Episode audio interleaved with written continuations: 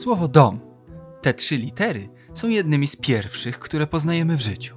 To główny bohater naszych dziecięcych rysunków. Dzień dobry. Przy mikrofonie Krzysztof Story, a wysłuchacie podcastu powszechnego. W tych rozmowach moi goście pokazują, że dom to znacznie więcej niż tylko cztery ściany. Zapraszam. Czujcie się jak u siebie w domu.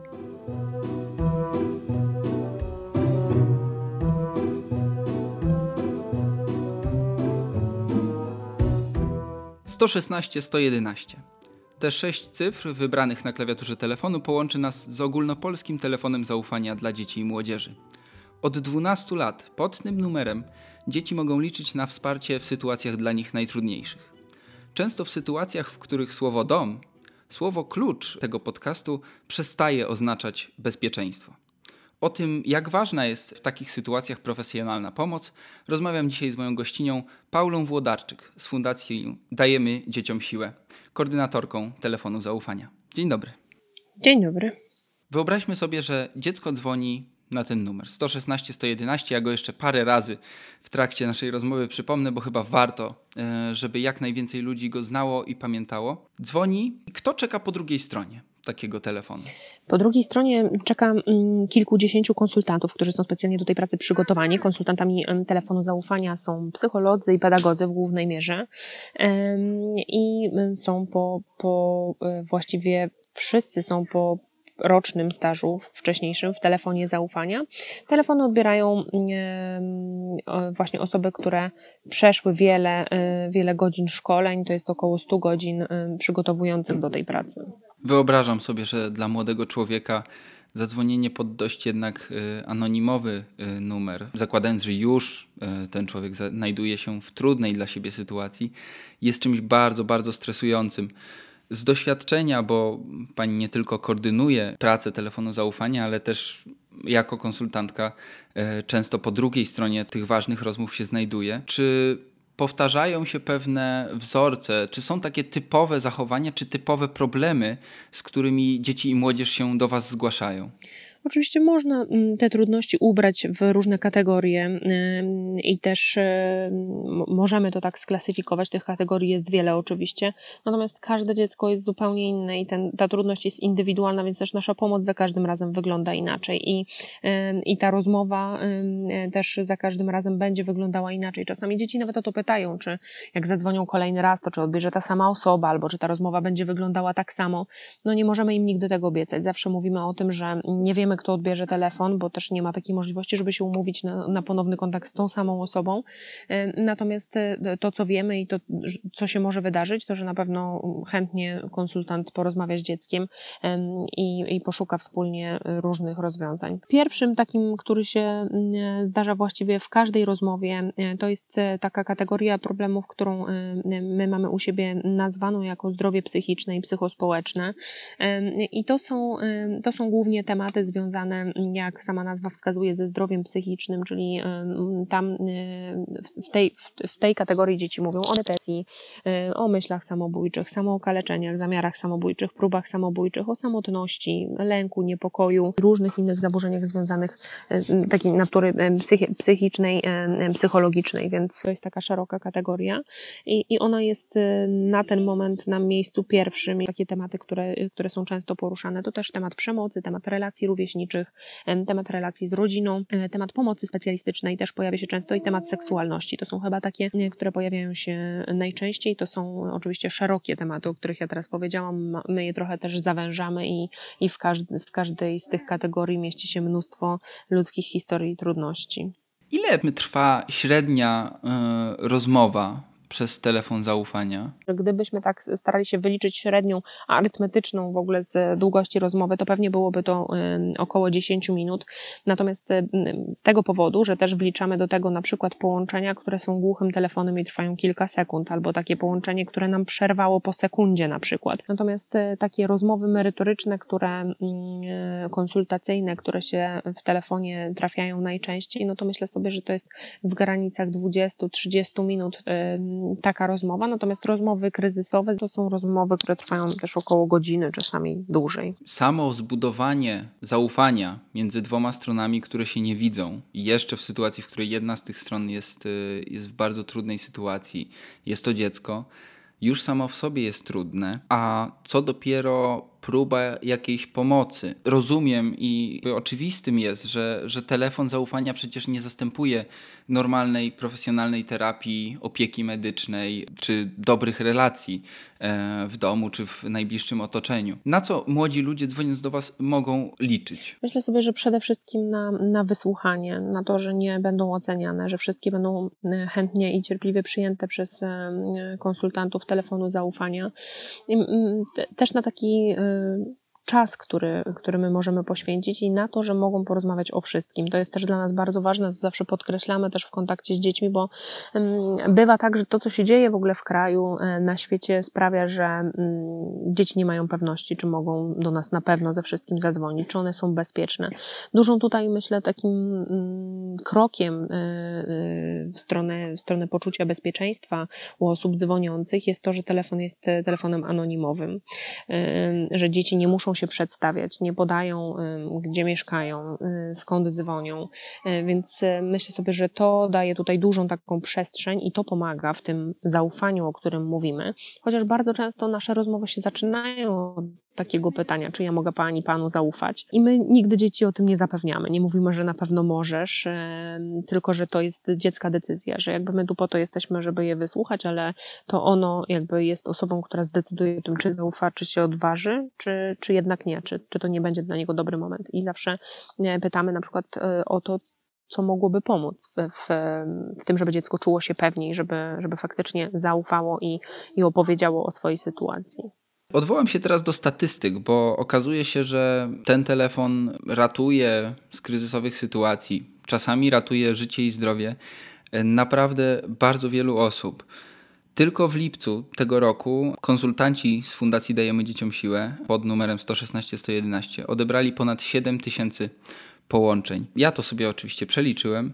Ten telefon w lipcu dzwonił e, do Was średnio co 6 minut przez cały miesiąc. To są tylko te połączenia, które my jesteśmy w stanie odebrać, a to jest około mm, kilkunastu procent, około 13, 14, maksymalnie 15% wszystkich połączeń, które do nas w ogóle przychodzą, tylko ze względu na właśnie ograniczoną ilość ludzi, tak, zasobów ludzkich, na, ograniczoną, na ograniczone finansowanie, nie jesteśmy w stanie tych wszystkich połączeń, e, które chciałyby się z nami do, do nas dotrzeć, nie jesteśmy w stanie odebrać. Telefon zaufania działa od 12 lat. Na pewno obserwujecie zmiany. Zwłaszcza, że kwestia zdrowia psychicznego dzieci jest y, coraz bardziej palącym problemem. Na to oczywiście składa się wiele czynników, natomiast są badania, które mówią, że nawet 10% e, dzieci i młodzieży poniżej 18 roku życia e, ma zaburzenia psychiczne. To oczywiście nie znaczy, że wszystkie te osoby będą potrzebować hospitalizacji czy leczenia farmakologicznego, ale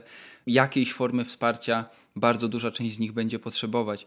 Czy wy to też obserwujecie w e, takim wymiarze ilości połączeń, które do was przychodzą? Jak najbardziej i połączeń i wiadomości, bo to też jest tak, że my możemy się, mm, z nami można się skontaktować nie tylko telefonicznie, ale też można napisać taką anonimową wiadomość e, do nas i tych wiadomości przychodzi bardzo dużo. W okresie właśnie ostatnim nawet e, tym, który teraz, którym teraz się mierzymy jeszcze nadal, czyli pandemią, liczba wiadomości nawet się podwajała w poszczególnych miesiącach w stosunku do tego, co było przed pandemią. I tam jest bardzo dużo też takich e, trudnych, często smutnych historii, e, które dzieci nam opisują i potrzebują pomocy. No, zauważamy to, że jest e, coraz trudniej, a też nie widzimy niestety reakcji do, dorosłych tutaj na to, co się dzieje.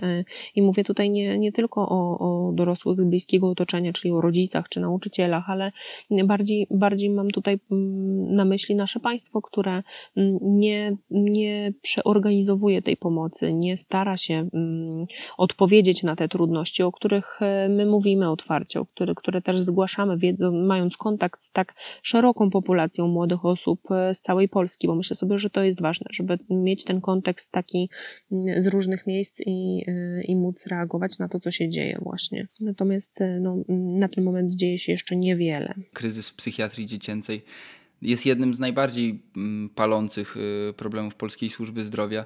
No wystarczy powiedzieć, że mamy w tym momencie y, w całym kraju niewiele ponad 350 y, psychiatrów dziecięcych przyjmujących w całej Polsce. Porównując to ze standardami WHO, to jest około dwa razy za mało. I faktycznie nie ma do tej pory skutecznego pomysłu na zmianę tej sytuacji a, a młodych ludzi, którzy potrzebują pomocy, niestety przybywa. Co ma największy wpływ y, na tą taką eskalację liczby tych problemów y, psychicznych, y, problemów emocjonalnych wśród młodych ludzi? Takich czynników jest całe mnóstwo i to mm, są zarówno takie czynniki biologiczne, genetyczne, czyli coś, co przechodzi z pokolenia na pokolenie, na przykład tutaj różne zaburzenia psychiczne też możemy dziedziczyć w pewnym stopniu. Natomiast e, też takie czynniki środowiskowe i myślę sobie, że jak mówimy o zmianach, no to przede wszystkim to, e, że mm, żyjemy w takim trudnym, trudnym, szybkim jakimś czasie, który mm, gdzieś nam też umyka wiele takich ważnych spraw, a dodatkowo mamy bardzo dużo różnych bodźców, często też takich, które sprawiają, że, mm, że nam jest po prostu trudno, czyli takich, które wywierają na nas presję naszego właśnie otoczenia nie mówię tutaj tylko o takiej presji, którą możemy czuć, nie wiem, w pracy, w szkole, ale też o takiej, którą gdzieś widzimy, spotykamy na co dzień, na przykład w internecie, oglądając y, y, relacje z swoich znajomych, czy, czy śledząc celebrytów na przykład na portalach społecznościowych. Ja myślę sobie, że bardzo dużo różnych czynników na to wpływa, ale faktycznie to, co się mm, dzieje teraz i jak trudno jest sobie z tym radzić, jak trudno jest też zobaczyć drugą stronę i gdzieś, gdzieś to wszystko wypośrodkować, znaleźć ten balans, y, to myślę sobie, że to zdecydowanie wpływa na zdrowie psychiczne. Wspominała Pani o tym, że jednym z aspektów, z którymi młodzi ludzie się do Was zgłaszają, są problemy związane z seksualnością. Na ile e, obecna sytuacja polityczna i, i wszystkie wypowiedzi e, dotyczące społeczności LGBT odbiły się na tym, co słyszycie w, w słuchawce telefonu? Niestety bardzo się odbijają i bardzo to słyszymy przykro jest nam tego słuchać.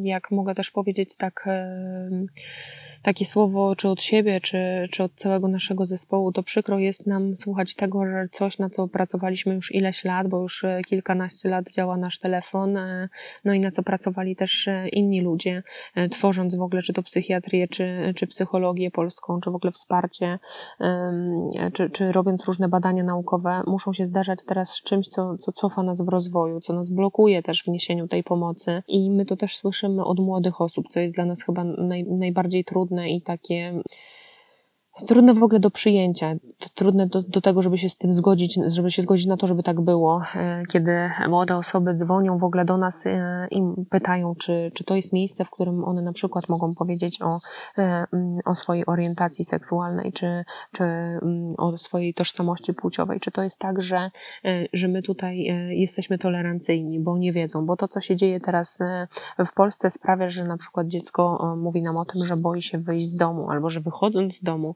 słyszy bardzo wiele obraźliwych słów na swój temat, nie robiąc nikomu nic złego, idąc na przykład spacerując ze swoim psem. I to jest szalenie trudne i myślę sobie, że, e, że teraz e, kiedy w ogóle ten czas jest tak trudny, kiedy dochodzą jeszcze takie, takie dodatkowe trudności, kiedy w mediach non-stop też o tym słyszymy i, i dzieci mówią nam o tym, że one boją się tutaj żyć, bo tutaj mam na myśli Polskę, boją się tutaj żyć, bo tu może je spotkać coś złego, bo nie czują się tu bezpiecznie, bo mogą, się, y, mogą zostać zaatakowane, ale też mają takie ogromne poczucie wykluczenia społecznego. I nie, nie mowa tutaj o takim wykluczeniu przez jakąś konkretną osobę, tylko o wykluczeniu przez państwo.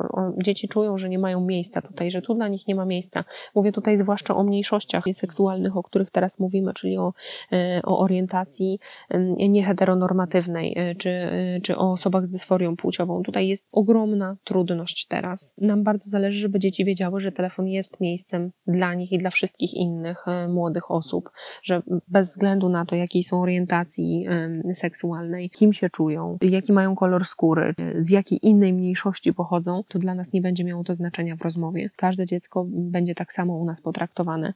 Natomiast przykre jest faktycznie to, że są miejsca i jest ich wiele, gdzie, yy, gdzie dzieci będą czuły te różnice. Podcast powszechny. Weź, słuchaj. Na pewno to, jak wygląda ten współczesny świat, odbija się w tym, co, co słyszycie przez słuchawkę telefonu, ale też stykacie się z y, bardzo różnymi y, przypadkami sytuacji, w których właśnie słowo dom przestaje oznaczać bezpieczeństwo, y, z przypadkami przemocy domowej czy to psychicznej, czy fizycznej? Słyszymy ich bardzo dużo. Ja myślę sobie, że e, tak jak mówiłam, ten e, temat dotyczący przemocy, czy to psychicznej, czy fizycznej, czy wykorzystania seksualnego jest w pierwszej piątce takich e, tematów, które się u nas pojawiają najczęściej, więc też trudno tutaj mówić o takiej konkretnej ilości, ale no na pewno nie skłamię, jeśli powiem, że zdarzają się kilkanaście, nawet do kilkudziesięciu razy dziennie. Tych telefonów jest bardzo dużo. Też okres pandemiczny pokazał, że, że te problemy się nasiliły, że przemoc jest e, częściej pojawiającą się trudnością, problemem w, w, w, różnych polskich domach, że dzieci częściej tego doświadczają, a trudniej im o tym mówić i trudniej uzyskać pomoc. W statystykach y, telefonu zaufania są y, wyróżnione oczywiście liczba odebranych telefonów każdego miesiąca, e, liczba odebranych wiadomości. I jest też trzecia statystyka, e, dość niepokojąca w ostatnich miesiącach, to są interwencje ratujące życie. Co traktujecie jako interwencję ratującą życie? To są wszelkie nasze działania, które my podejmujemy właśnie w sytuacji, kiedy jest zagrożone życie albo zdrowie dzwoniącej osoby, czyli w sytuacji, kiedy na przykład dziecko dzwoni do nas w trakcie próby samobójczej albo ma silne myśli samobójcze i zamierza odebrać sobie życie, albo mm, na przykład doświadcza przemocy i tutaj y, mówimy też o trzech rodzajach działań. Jedno to jest na mocy porozumienia z Komendą Główną Policji, czyli wzywamy wtedy pomoc do dziecka, właśnie wysyłając pismo na policję. E, drugie działanie to jest takie, podczas którego kontaktujemy się z numerem alarmowym 112. No i trzecia możliwość to jest taka interwencja lokalna, czyli e, kontakt nasz z kimś z otoczenia dziecka, czyli na przykład z rodzicem, z kimś ze szkoły, z psychologiem szkolnym, e, pedagogiem szkolnym, więc bądź ośrodkiem pomocy społecznej. Także to są takie nasze działania. Bardzo istotnym elementem takiej pomocy może być y, znalezienie, czy próba znalezienia w zasadzie wspólnie z, z dzieckiem, z młodym człowiekiem, y, osoby, której ona może zaufać, która nie będzie już anonimowa, nie będzie po drugiej stronie telefonu. Jak najbardziej. No zanim w ogóle podejmiemy interwencję, to zależy też oczywiście, czy jest zagrożenie życia albo zdrowia, bo tylko w takich sytuacjach podejmujemy interwencję. Reszta naszych rozmów polega na tym, że my wspólnie z dzieckiem, z każdym indywidualnie szukamy rozwiązania, czyli szukamy też w, w tym, w, kiedy mówię o rozwiązaniu, mam na myśli też szukanie takiej właśnie bezpiecznej, e, zaufanej osoby w otoczeniu dziecka, z którą dziecko może o tym porozmawiać i do której może pójść w każdej sytuacji, kiedy, kiedy wydarzy się coś niepokojącego. Często jest tak, że to jest wiele prób, że wspólnie z dzieckiem się zastanawiamy, czy taka osoba w ogóle jest. Zdarza się, że jej nie ma. Czasami szukamy trochę dalej, szukamy kogoś ze szkoły, na przykład jakiegoś ulubionego nauczyciela, czy kogoś z dalszej rodziny, mm, bo, bo zawsze staramy się, żeby to była osoba dorosła, która ma też możliwości działania, bo e, często dzieci mówią o tym, że mają przyjaciela, przyjaciółkę, no i to jest oczywiście e, bezcenne, wspaniałe wsparcie, natomiast e, no, też możliwości możliwości tutaj działań są ograniczone, jeśli to są też osoby niepełnoletnie, dlatego staramy się tutaj rozmawiać o osobach dorosłych, ale robimy to zawsze wspólnie z dzieckiem, no i nigdy nie wpychamy też dziecku żadnego rozwiązania. Staramy się e, tak rozmawiać, żeby, żeby to dziecko było przekonane do tego, co my proponujemy albo co pytamy, żeby też to było możliwie najbardziej skuteczne. Często jedyną dobrą poradą, czy najlepszą poradą byłoby pójście właśnie do psychoterapeuty, do psychiatry, a na to często polski system e, ochrony zdrowia po prostu nie pozwala. Co w takiej sytuacji ma zrobić dziecko, czy, czy ktoś z jego otoczenia, który widzi, że dziecko znajduje się w bardzo trudnej sytuacji i potrzebuje pomocy? No to jest szalenie trudne i tak jak e, e, Pan mówi, my trochę mamy takie poczucie, że czasem stykamy się ze ścianą już, że już e, sami trochę nie wiemy, gdzie możemy dziecko pokierować, żeby ono, ono tą pomoc otrzymało jak najszybciej, bo to jest bardzo, bardzo trudne. Bardzo długo się czeka, zwłaszcza jeśli ta pomoc miałaby być bezpłatna, czyli refundowana, to czasami to jest oczekiwanie, w, w, które y, rozciąga się na kilkanaście miesięcy. Y, niejednokrotnie słyszałam też, że, że termin jest na przykład na za dwa lata, żeby się umówić do psychiatry, y, czy za półtora roku, czy właśnie za kilkanaście miesięcy. Oczywiście zdarza się, że może być szybciej, ale to też zależy, jak, jak dostępni są ci specjaliści. Że sobie, że w takim mieście dużym, na przykład jak Warszawa, Kraków, Wrocław, jest lepiej, natomiast we wszystkich innych miejscowościach mniejszych, z których też dzwonią dzieci do nas, bo dzwonią z całej Polski, to jest szalenie trudne i, i faktycznie to się rozciąga w czasie, albo trzeba gdzieś dojeżdżać też bardzo daleko do takiego specjalisty. To samo jest z psychologiem, jakby tak, taką dostępną y, y, pomocą ad hoc jest psycholog albo pedagog w szkole, ale czasami jest tak, że też, też ich nie ma, albo że pracują na tak mały wymiar godzin, mają takie obowiązki w szkole nadane przez dyrektorów placówek, że nie są w stanie zapewnić pomocy i takiego wsparcia dzieciom, bo, bo zajmują się mnóstwem dokumentów, które należy wypełniać. Dla dzieci fizycznie jest ich bardzo mało. To, co my robimy, to oczywiście, jeżeli dziecko czy, czy rodzic dziecka jest wspierający i, i jest taka możliwość, żeby umówił e, dziecko do, do specjalisty, no to tutaj o tym rozmawiamy i staramy się też e, e, dowiedzieć i dopytać, upewnić, czy dziecko ma taką możliwość i czy rodzic mu tę pomoc może faktycznie zapewnić, jak może zareagować, kiedy się dowie, że ta pomoc jest w ogóle potrzebna, ale często jest tak, że dzieci w ogóle nie widzą takiej możliwości i żeby one trafiły do, mm, do psychologa, tak jak nam często mówią, czy do psychiatry, to musiałyby e, pójść tam tak, żeby nikt o tym nie wiedział. Bo często jest tak, że z nami kontaktują się osoby, które są krzywdzone przez dorosłe, bliskie osoby. I to też jest tak, że, mm, że te osoby wtedy nie są osobami, do których dziecko e, pójdzie i powie, e, chciałabym, żebyś zapisał mnie, czy zapisała do psychologa, czy psychiatry, dlatego że cierpię z powodu tego, że mnie krzywdzisz. Dlatego tak mówię, że czasem jest tak, że my się zderzamy ze ścianą i pozostają nam te osoby ze szkoły, które też no, czasami y, nie są wystarczające. No nawet nie czasami, tylko zawsze nie są wystarczające, bo, bo tak jak mówię, jest ich bardzo, bardzo mało. Często pedagog i psycholog szkolny zdarza się w zasadzie także ze swoją ścianą po prostu. Y, żeby zobrazować tylko, jak, jak duży jest kontrast między dużymi miastami, w których powiedzmy, że ta opieka jest dostępna, a pozostałymi częściami kraju, no, warto chyba przytoczyć tylko jedną statystykę. W całym województwie podlaskim nie ma ani jednego miejsca, e, ani jednego oddziału psychiatrii dziecięcej. Najbliższy e, jest w Warszawie, mm, co można sobie wyobrazić pewnie, jak ciężko jest w takiej sytuacji dziecku uzyskać pomoc, pójść samemu nawet po pomoc, e, tak żeby nikt się o tym nie dowiedział. E, w sytuacji, w której rodzina tej próby uzyskania pomocy nie wesprze. No i do tego doszedł e, jeszcze rok 2020 i, i sytuacja, którą mamy w związku z pandemią, e, w której przez pewien czas dzieci nawet prawnie nie mogły opuszczać same domu. I właśnie pandemia przyniosła zmiany po obu stronach telefonu zaufania. Po stronie fundacji y, chyba taką największą zmianą było to, że od 1 marca 2020 y, odbieracie ten telefon całodobowo. To linia 116-111 działa przez 24 godziny. A jak zmieniło się to, co dzieje się po drugiej stronie telefonu? To znaczy, czy na przykład zmieniły się albo zintensyfikowały pewne problemy, z którymi y, młodzi ludzie do Was dzwonią? Tak, bardziej ta, ta druga mm, opcja, czyli zintensyfikowały się te problemy e, i trochę się przeorganizowało nasze życie w telefonie, bo, bo jakby tych trudności, e, one są podobne, tak, e, one już gdzieś się wcześniej pojawiały, tylko na przykład było ich bardzo mało, a teraz jest, jest ich bardzo dużo, albo, albo było i jest teraz trochę mniej, więc to się faktycznie pozmieniało. Na pewno zmieniło się to, że dzieci mniej do nas dzwoniły, więcej do nas pisały i też mówiły o tym, że, mm, że dzieje się tak dlatego, że kiedy są zamknięte w domach, nie mają możliwości i takich warunków do tego, żeby rozmawiać o swoich trudnościach, bo ktoś to może usłyszeć, bo nie mogą wyjść z domu.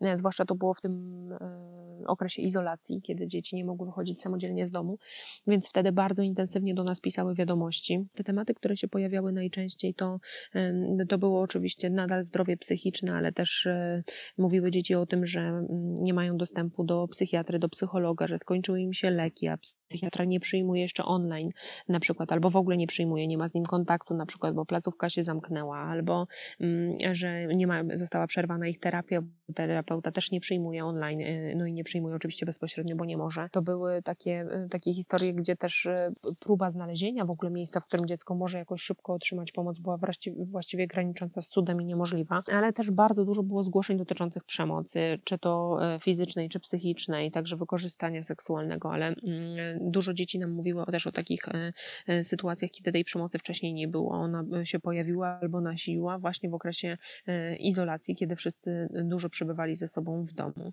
Dużo było o relacjach z rodziną, jakby trochę mniej o relacjach z rówieśnikami, które w, w czasie, kiedy dzieci chodziły do szkoły, no to oczywiście były takim bardzo częstym tematem. Natomiast w, w czasie izolacji, braku, braku szkoły albo tylko szkoły online, to częściej dzieci dzwoniły z trudnościami w relacjach właśnie z rodziną, czy czyli z, z rodzicami i rodzeństwem najczęściej tutaj. I tam też mówiło o kłótniach, o przemocy, e, o tym, że, że bardzo ciężko jest się dogadać z rodzicami, albo o tym, że pomimo tego, że rodzice są w domu, to dzieci nadal czują się samotne, bo nie potrafią ze sobą rozmawiać. Dużo mówiły też o takich w ogóle warunkach tego przebywania, dostępu też do, do szkoły, do, do sprzętu, którego szkoła wymaga.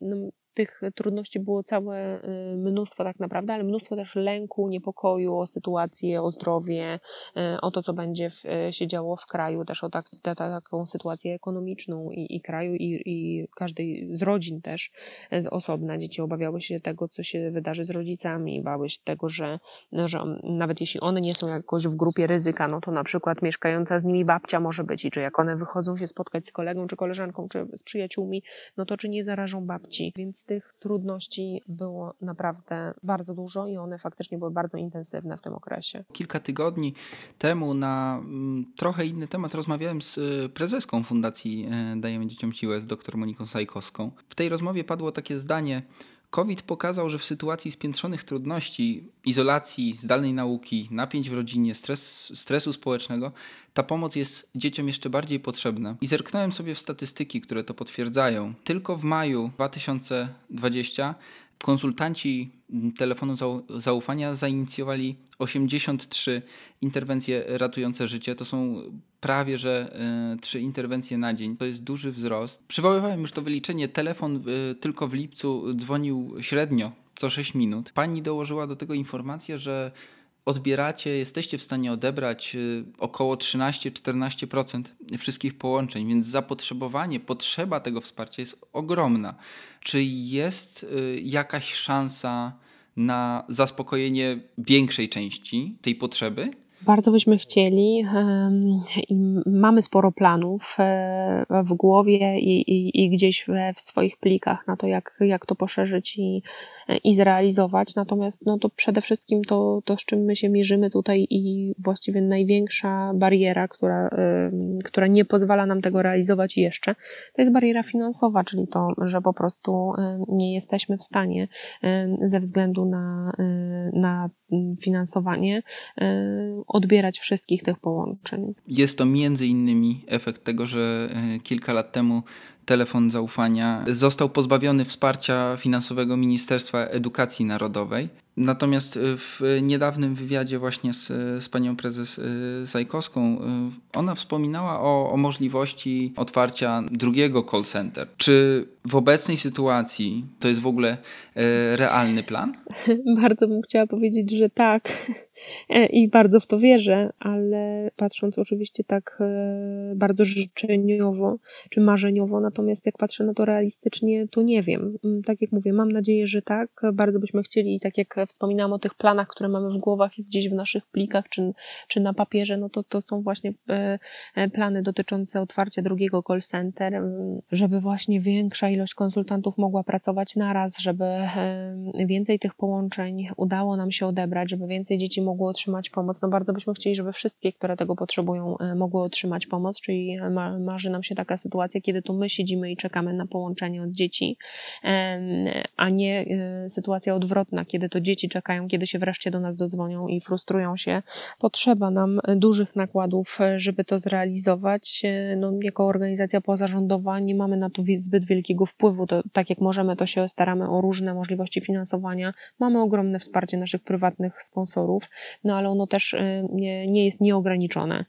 Tutaj zawsze ogromnym wsparciem jest takie stałe i płynne też finansowanie rządowe, natomiast na ten moment to, to które mamy, nie pozwala nam na rozszerzenie działalności.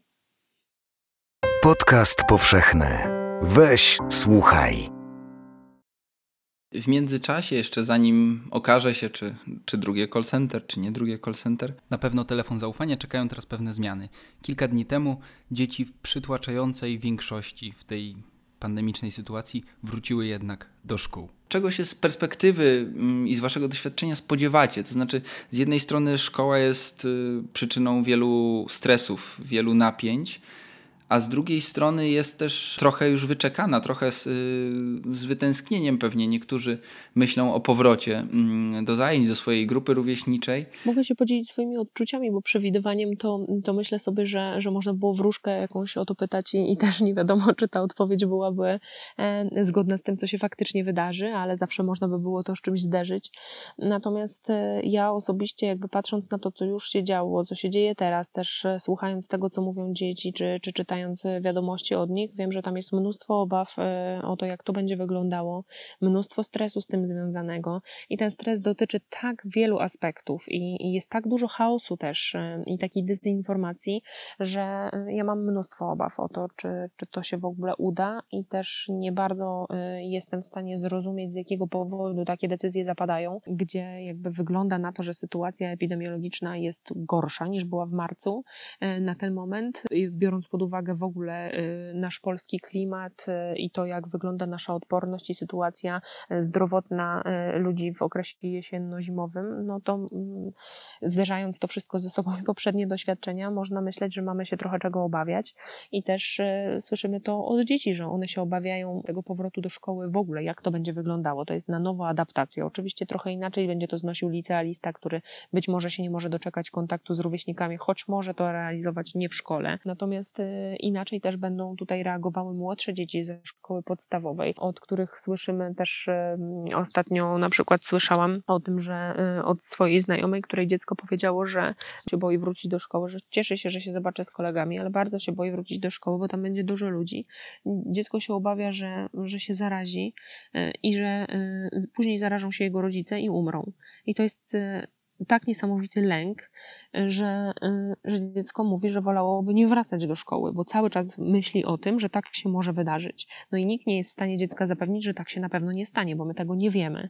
Y, oczywiście y, prawdopodobieństwo jest niewielkie, że tak się wydarzy, ale jednak ono istnieje i jest to realne zagrożenie. Myślę sobie, że, mm, że jak słyszymy, że trzeba zachowywać odstęp, że, że trzeba dbać o higienę, nie przebywać w zatłoczonych miejscach, chociażby w zeszłym roku liczba klas pierwszych w liceach się e, podwoiła, dlatego że był e, zdublowany rocznik po znowu po reformie szkolnictwa, więc dzieci jest bardzo dużo. Szkoły się nie, z gumy nie są, się nie rozciągnęły, klasy też nie.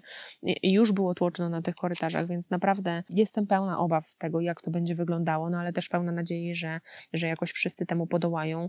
E, i z taką mm, też otwartością tutaj czekamy i w telefonie na dzieci, które będą potrzebowały o tym porozmawiać, będą potrzebowały pomocy, ale też na, w drugim naszym telefonie, który prowadzimy jako fundacja, to jest telefon dla rodziców i nauczycieli w sprawie bezpieczeństwa dzieci, właśnie na, na dorosłych, którzy się mierzą też z tymi trudnościami, bo wyobrażam sobie, że nie tylko dla dzieci to jest szalenie trudne, ale też dla rodziców, którzy się wahają, co mam zrobić, czy mam posyłać dziecko do szkoły, czy nie. Z jednej strony jest to obowiązek, tak, yy, mamy obowiązek szkolny, a z drugiej strony boję się, że coś się wydarzy.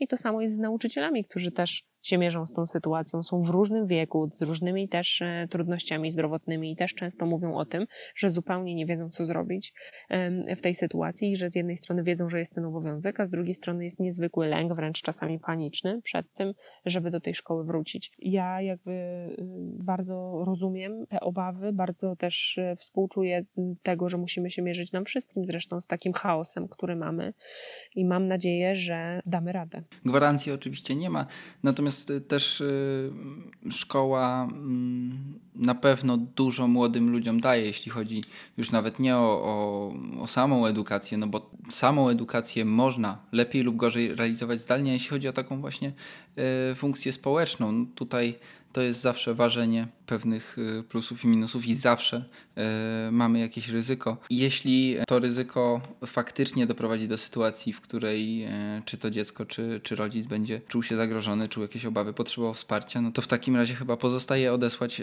do telefonów. Telefon zaufania dla dzieci i młodzieży 116 111, a telefon dla rodziców i nauczycieli w sprawie bezpieczeństwa dzieci 800 100 100. Pod tymi numerami można uzyskać fachową pomoc i, i, wsparcie i zostać wysłuchanym. Na koniec y, naszej rozmowy chciałbym poprosić Panią o kilka słów, bo może wśród naszych słuchaczy są też y, ludzie młodzi, albo w trudnych sytuacjach, albo z kimś w otoczeniu, kto potrzebuje takiego wsparcia. Kilka słów zachęty, że ten telefon czasami warto podnieść i, i te sześć cyfr wykręcić? Ja mm, to co, to, co mówię najczęściej osobom, które się z nami kontaktują, jak e, dzwonią i mówią, że, mm, że dzwonią już któryś raz, ale się rozłączały na przykład, albo że nie są w stanie nic powiedzieć, albo że chyba nie dadzą rady, albo że nie wiedzą, jak zacząć rozmowę, czy piszą do nas wiadomości, mówią, że nie zadzwonią, bo, e, bo nie dadzą rady nic powiedzieć, bo nie są w stanie w ogóle sięgnąć po taką pomoc. Jedyne, co są w stanie zrobić, to na przykład napisać wiadomość, bo to jest łatwiejsze.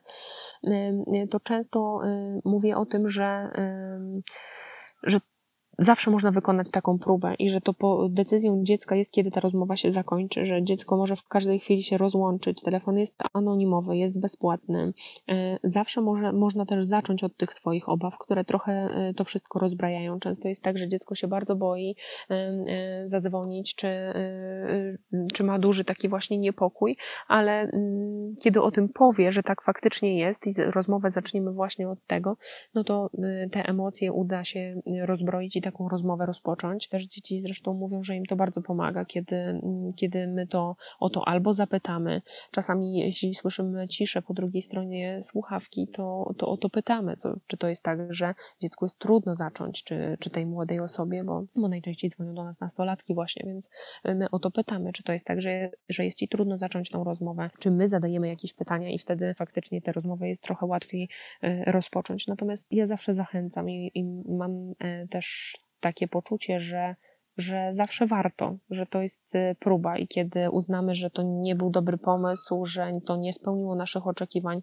możemy się rozłączyć. Taka próba, po prostu sprawdzenie tego, jak to działa, pozwala nam się przekonać. I to, co jest najważniejsze w ogóle, to żeby nie pozostawać samemu ze swoimi trudnościami, bo to jest chyba najgorsze, co możemy zrobić, bo sobie zamykamy wtedy, odbieramy sobie szansę mm, na to, żeby nasza sytuacja mogła się poprawić.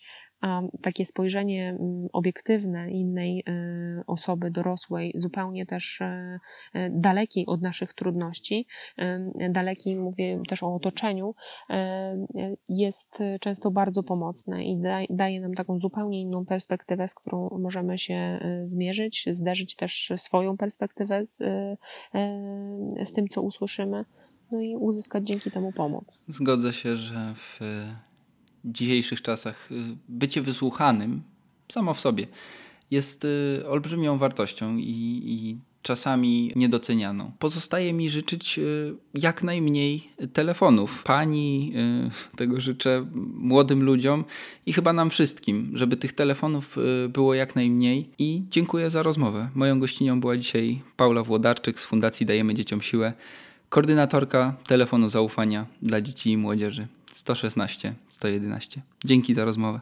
Bardzo dziękuję, chociaż ja tych telefonów wcale nie chciałabym jak najmniej, bo to też by oznaczało, że, że przestajemy rozmawiać, więc chciałabym, żeby, żeby one częściej dotyczyły dobrych rzeczy po prostu. To nie jest tak, że, że z samymi trudnościami i problemami można zadzwonić, jak ktoś potrzebuje o czymś dobrym, to też u nas. To w takim razie życzę jak najwięcej rozmów przyjemnych o zakochaniu, o e, radości, o odwadze, o różnych ważnych decyzjach, ale takich dobrych i gdzieś tam pchających nas do przodu. Dzięki bardzo. Ja też tego życzę, szcz szczególnie naszym rozmówcom. Dziękuję. To była kolejna odsłona podcastu powszechnego. Ja nazywam się Krzysztof Story i dziękuję Ci za to spotkanie. Do usłyszenia. Jeśli słuchają nas Państwo w Spotify albo w Apple Podcast, zasubskrybujcie nasz kanał. Jesteśmy też w Google Podcast i w aplikacji Lekton oraz na www.tygodnikpowszechny.pl/podcast. Towarzyszyła nam dzisiaj muzyka Aleksandra Nakarady. Utwór Foam Rubber pochodzi z serwisu Film Music.io.